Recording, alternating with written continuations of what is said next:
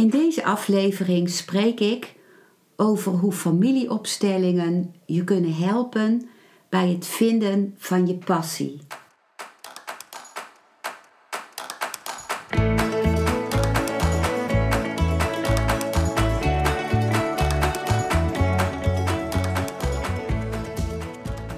Welkom bij een nieuwe aflevering van Modita's podcast Van Pijn naar Zijn. De podcast waarin ik je meeneem voorbij de pijn in je leven naar wie je diep van binnen bent. Hoe kun je beter omgaan met je gevoelens? Hoe vind je rust in je hoofd? Wat zit er precies achter je pijn? En vooral, hoe kun je steeds meer jezelf zijn? Adem eens diep in en uit. Ik wens je veel luisterplezier.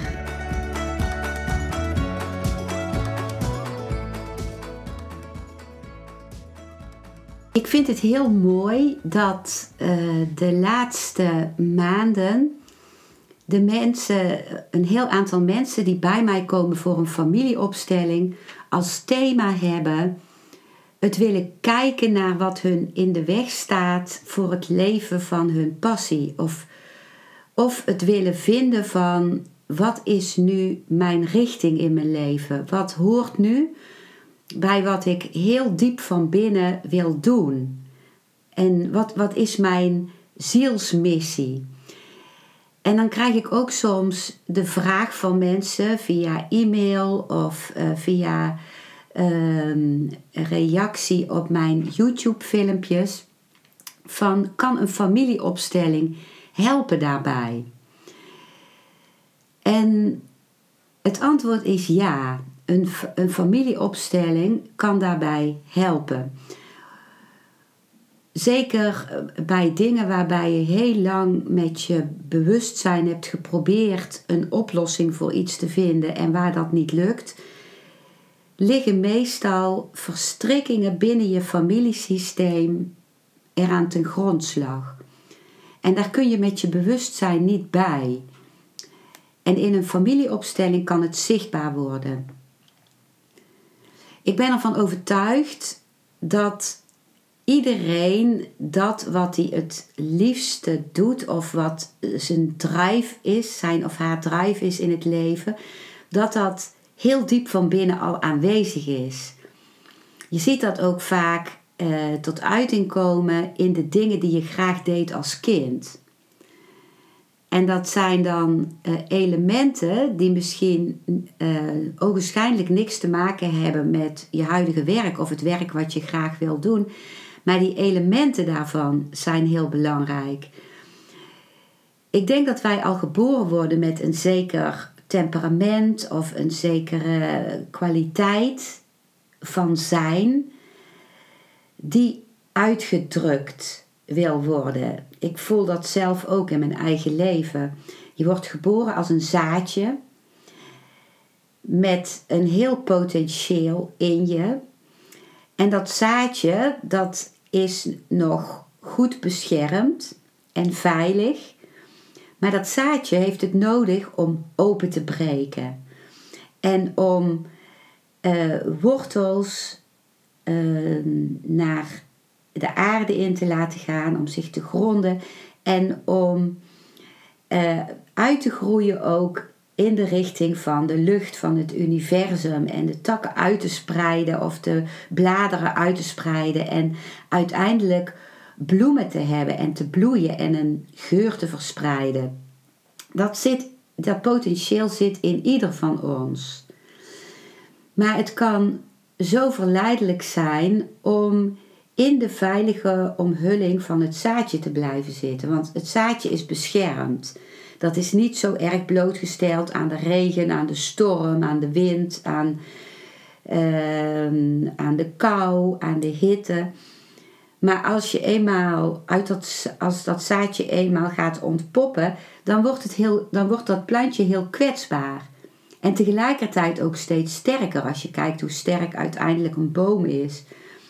Maar zeker in het begin is dat zaadje heel kwetsbaar. En dan Ehm, er is dus ook moed voor nodig om je te openen voor jouw levenspotentieel, voor het verwezenlijken van jouw levenspotentieel. En bij die moed kan ook horen het doen van een familieopstelling, omdat een opstelling ook spannend kan zijn. Omdat je ergens deep down voelt dat er dingen uh, zichtbaar zullen worden of naar boven zullen komen die niet voor niks zo lang afgeschermd zijn. Dus de, de drive die je van binnen hebt, die is er gewoon al. Vanaf de geboorte of zelfs al vanaf voor de geboorte. Uh, en ik, uh, ik ga zelf uit van reïncarnatie. Ik zeg niet dat jij dat ook moet doen. En dan ga ik er dus ook van uit dat ik dingen wil verwezenlijken in mijn leven die ook een voortvloeisel zijn van mijn vorige levens. Maar als je niet uitgaat van reïncarnatie, dan, dan nog um, is bij het kind, ik denk als je zelf kinderen hebt, dat je het ook kunt zien, dat je bij elk kind voelt dat het een andere kwaliteit heeft. Of als je neefjes of nichtjes hebt, kun je dat zien. Wat belangrijk is bij een familieopstelling, eh, als je naar dit thema wil kijken, is dat we kijken naar wat er jou in de weg staat bij het vinden van jouw richting in je leven of het volgen van je passie. Want als je dat niet volgt, dan is dat een kwelling. Dan wordt dat ervaren als een kwelling. En in feite gaat dit soort kwelling je hele leven door, tot aan je dood. Omdat elk moment van je leven uh, komt die vraag weer opduiken van is dat wat ik doe of dat wat ik leef, wat ik werkelijk wil doen of wat ik werkelijk wil leven. Dus dat is niet een eenmalig iets, dat is iets waar wij als mens mee geconfronteerd blijven worden.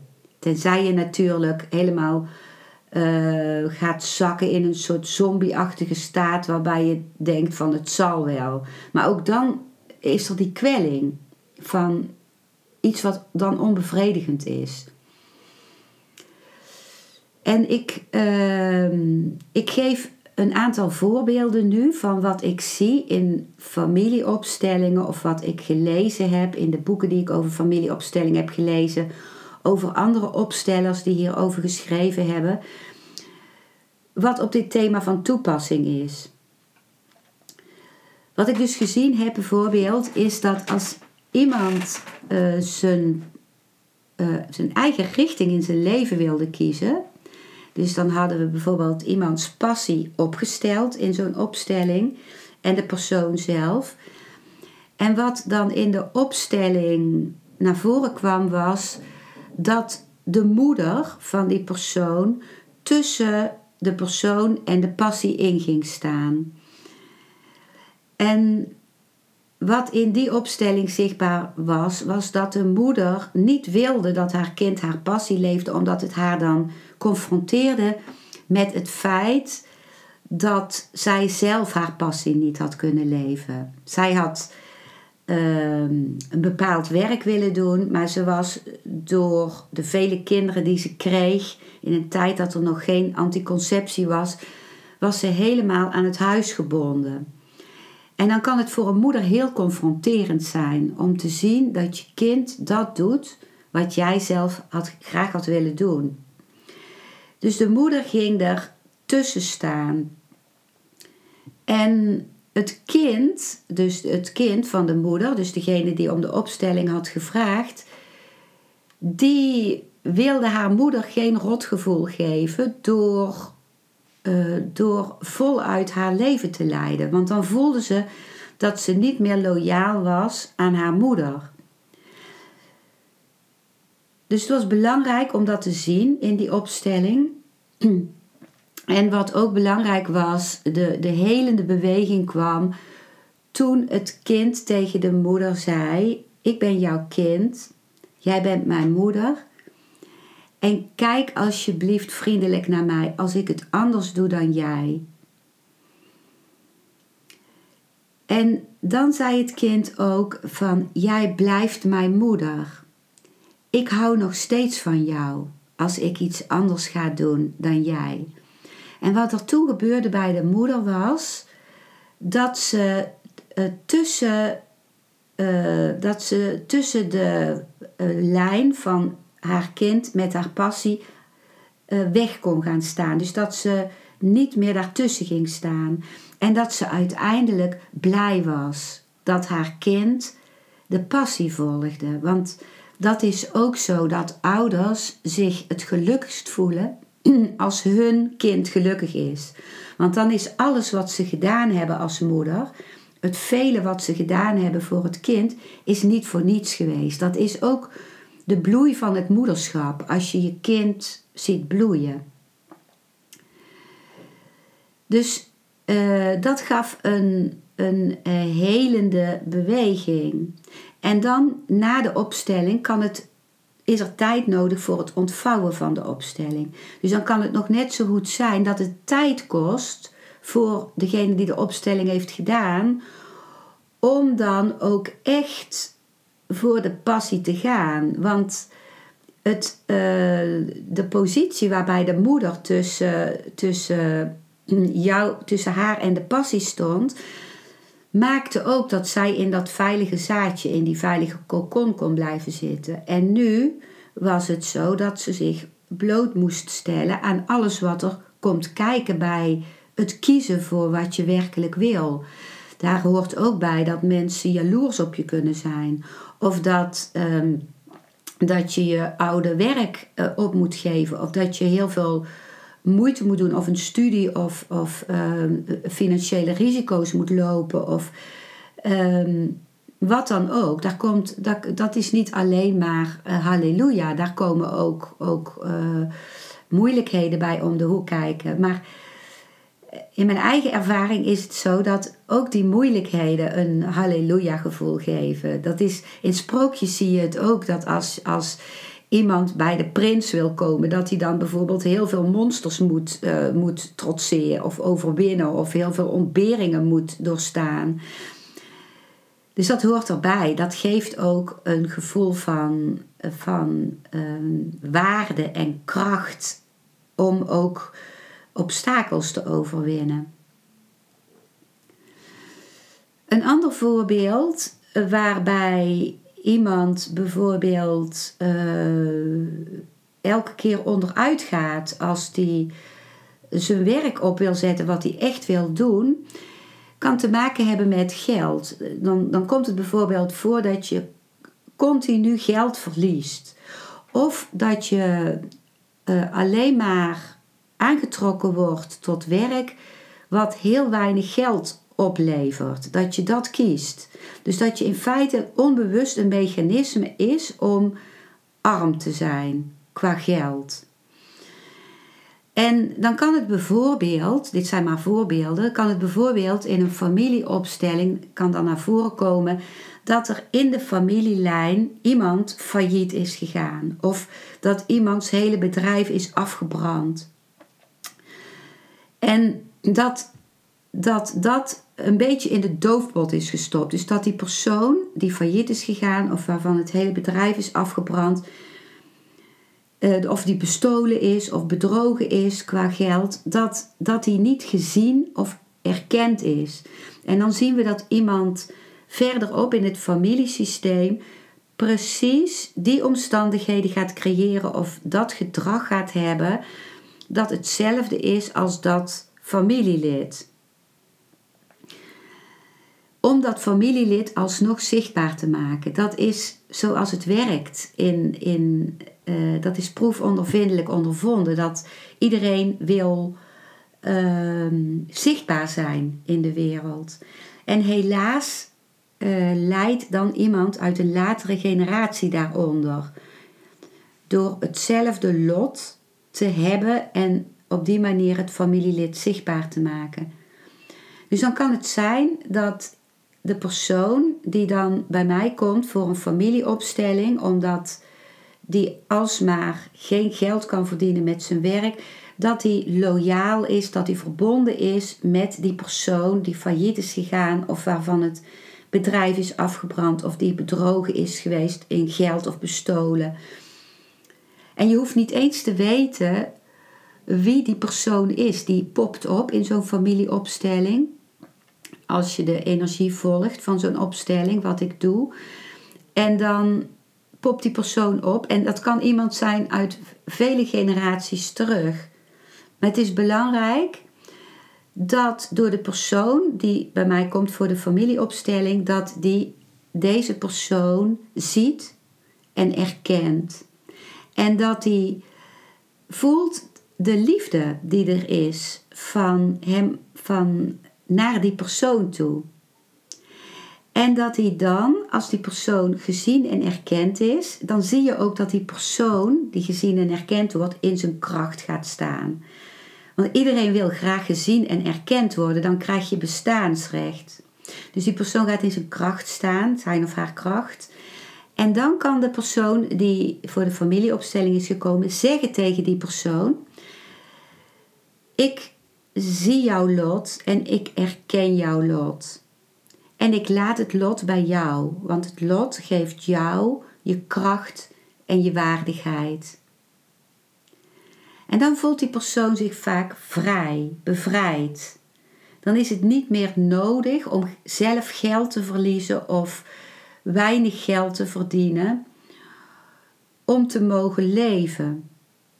Dus in feite is dit ook weer een voorbeeld van hoe met een familieopstelling dat wat in de weg staat om je eigen weg te gaan, uh, gezien kan worden en dan kan verdwijnen, zodat het pad vrij is voor jou. Wat ook zichtbaar kan worden in een familieopstelling, is dat je gaat zien dat je kiest voor het werk, dat je nu werk doet wat je eigenlijk niet graag doet. En dat dat verbonden is met dat je kiest voor dat wat, ofwel wat je ouders doen, waardoor je verbonden bent of een met je ouders of een loyaliteit hebt naar je ouders. Of dat je het beroep doet wat je ouder eigenlijk had willen doen. Dus stel, jouw, jouw vader is arts, maar die had eigenlijk een muzikant willen zijn. En dan ben jij bezig met werk in de muziek, terwijl jij bijvoorbeeld heel graag acteur zou willen zijn, of dat je heel graag journalist zou willen zijn, of, of, of onderwijzer of onderwijzeres. Dus dan voel je hoe graag je ouder had gewild dat jij dat eh, beroep had gewild en hoe onbevredigd, onbevredigd je ouder is in het werk dat hij doet of het werk dat hij deed. En om die ouder ehm, toch die voldoening te geven van uh, het voor zich zien van dat werk wat hij eigenlijk had willen doen, ben jij dat werk gaan kiezen. En dat zijn processen die heel onbewust plaatsvinden. Het kan ook zijn dat iemand niet kan kiezen. Dat hij staat voor verschillende keuzes. Zal ik dit werk doen of dat werk of dat werk? En dat hij niet kan kiezen. En dan kan in de familieopstelling naar voren komen waar dat niet kunnen kiezen mee te maken heeft. Wat ik zelf gemerkt heb in mijn leven als ik terugkijk, uh, wat te maken heeft met werk, is dat ik uh, achteraf gezien arts ben geworden, omdat ik uh, voelde dat ik mijn moeder wilde redden, alsnog van een dood die zij had kunnen sterven in het Japanse concentratiekamp. Daar was zoveel honger en daar kregen mensen zoveel ziektes dat zoveel mensen stierven en zij heeft het overleefd, maar ik was als het ware verstrikt met de, al die andere slachtoffers die rondom mijn moeder zijn gevallen in dat concentratiekamp en waar ook mijn moeder mee verbonden was. Ik voelde dat ik arts moest worden, terwijl ik diep down voelde dat ik dat helemaal niet wilde. Omdat ik uh, in de eerste plaats eh, de, de, de eerste hulp moest kunnen verlenen. Dat ik wonden moest kunnen genezen. Dat ik mensen kon redden van een fysieke dood. En zo wilde ik ook mijn ongeboren tweelinghelft alsnog redden. Maar deep down wilde ik me helemaal niet zozeer met dat uh, fysieke of met de symptomen van ziektes bezighouden, omdat mijn diepere drive was het bezig zijn met dingen die ik nu doe, met dingen die meer op energetisch niveau zijn en te maken hebben met meditatie en het dichter komen bij wie je in wezen bent en wat in de weg staat om daar van daaruit te leven. Dus familieopstellingen hebben mij ook geholpen met dat te zien en dat te erkennen. En ook daarin de liefde te zien die ik daarin had naar mijn moeder en naar mijn tweelinghelft.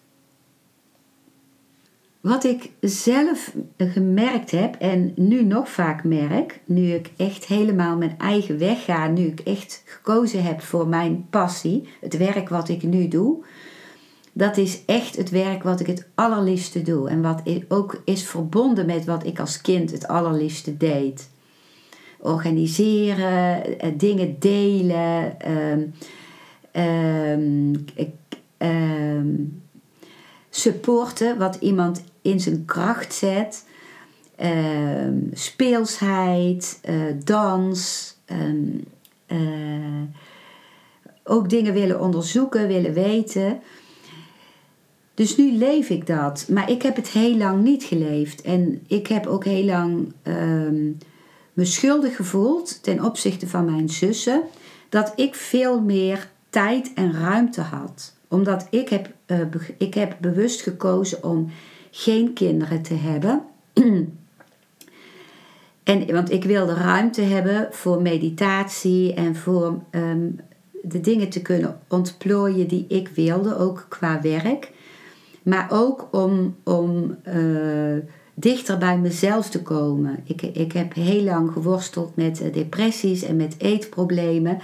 En ik wilde dat niet overgeven aan kinderen, maar ik wilde al mijn tijd gebruiken om daar uit te komen, om, om, om meer te gaan naar wie ik wezenlijk ben.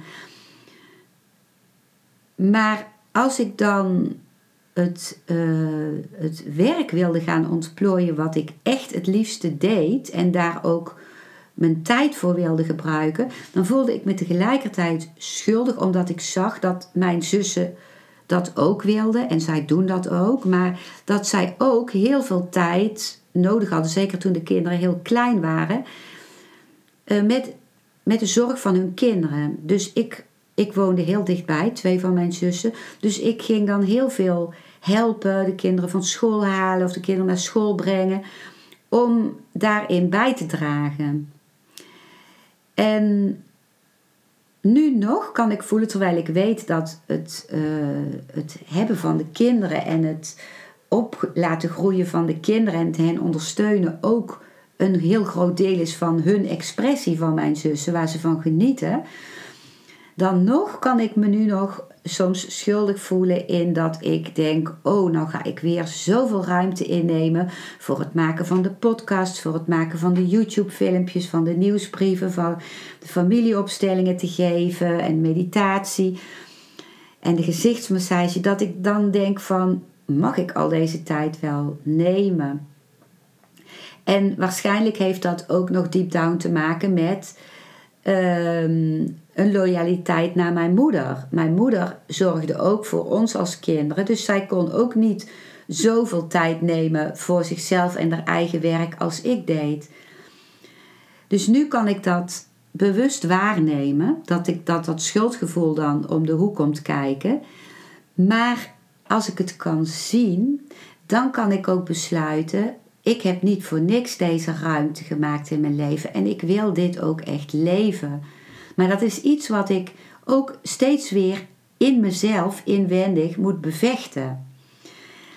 En uh, ja, dat, daarmee uh, voel ik ook aan de lijve hoe belangrijk het is om als je gaat voor je passie en voor de richting in je leven, dat je ook bereid bent om alleen te staan, om niet de goedkeuring te willen hebben voor, van anderen. Als je anderen heel veel gaat helpen, wat natuurlijk op zich ook, ook iets moois in zit, maar als je gaat helpen om gezien te willen worden door anderen, dan, dan ben je weg bij jezelf. Dan, dan is het zo bevrijdend als je jezelf kunt zien. En uh, alleen durft te staan. En daarbij helpt meditatie weer heel veel. Dus ik, ik uh, zie meditatie, of dat kun je ook zeggen yoga of tai chi of qigong of uh, um, in de natuur zijn met jezelf, zie ik als heel wezenlijk uh, voor, voor, je hele, voor de hele groei, maar ook als support en nodig voor de verwerking van familieopstellingen. Dus in de familieopstellingen, dagen die ik geef in Eindhoven, is meditatie ook een onderdeel van die dagen. Wat ook kostbaar is in de familieopstellingen, is dat, uh, dat er een lijn of een, een verbinding ontstaat ook met wie er in de opstelling opduiken als steungevend. Steungevende personen. Dus dat kan een voorouder zijn, een overgrootmoeder of een overovergrootmoeder. Waarbij ik in de opstelling liefde voel naar de persoon die, uh, die de opstelling doet. Of waarvan ik voel dat de persoon die de opstelling doet liefde heeft naar die persoon. En dan is het zo mooi om aan die voorouder te vragen: wil je me steunen? Wil je mij je zegen geven? En dat geeft zo'n extra support in het gaan van je levensweg, in het leven van je passie, in het vinden en leven van je richting. Voor mij is het contact, in contact zijn en komen met mijn passie en mijn zingeving ook essentieel geweest voor het uit mijn depressies en eetproblemen komen. Want als de, de zingeving er is, dan is de depressie en, het, en is ook het eetprobleem niet meer nodig. En daarover schrijf ik ook in mijn boeken. Ik heb een boek geschreven, Depressie, een opstap naar geluk. Over hoe ik uit mijn depressies ben gekomen. En daarin is ook een hoofdstuk gewijd aan passie en zingeving. En zo ook in het boek Honger naar vervulling. Dat gaat over de oorzaken en bevrijding van eetproblemen. Als je deze uh, aflevering beluistert via Spotify of Google Podcast of Apple Podcast, Stitcher of Podbean, dan vind je die boeken of die links ook in de beschrijving onder de podcast. En als je de aflevering beluistert via mijn website, dan vind je dat uh, die boeken onder het kopje over mij en dan zie je daar ook een rubriek van mijn boeken. Mocht je een opstelling willen bij mij, over dat, uh, bij mij willen doen over dat thema, over dit thema van het vinden van je richting in je leven en je passie en wil je kijken naar wat je daarbij in de weg staat, dan kan dat via uh, een individuele opstelling. Dat kan online via Zoom of het kan live in Eindhoven bij mij thuis. En daarnaast geef ik dus ook familieopstellingen dagen in Eindhoven. En ik geef online familieopstellingen avonden. Dus al die informatie vind je bij mijn aanbod van familieopstellingen op mijn website. Ik wens jou heel veel goeds bij het leven van wat jou bezielt in jouw leven. En bij het uh, steeds weer terugkeren daarnaar.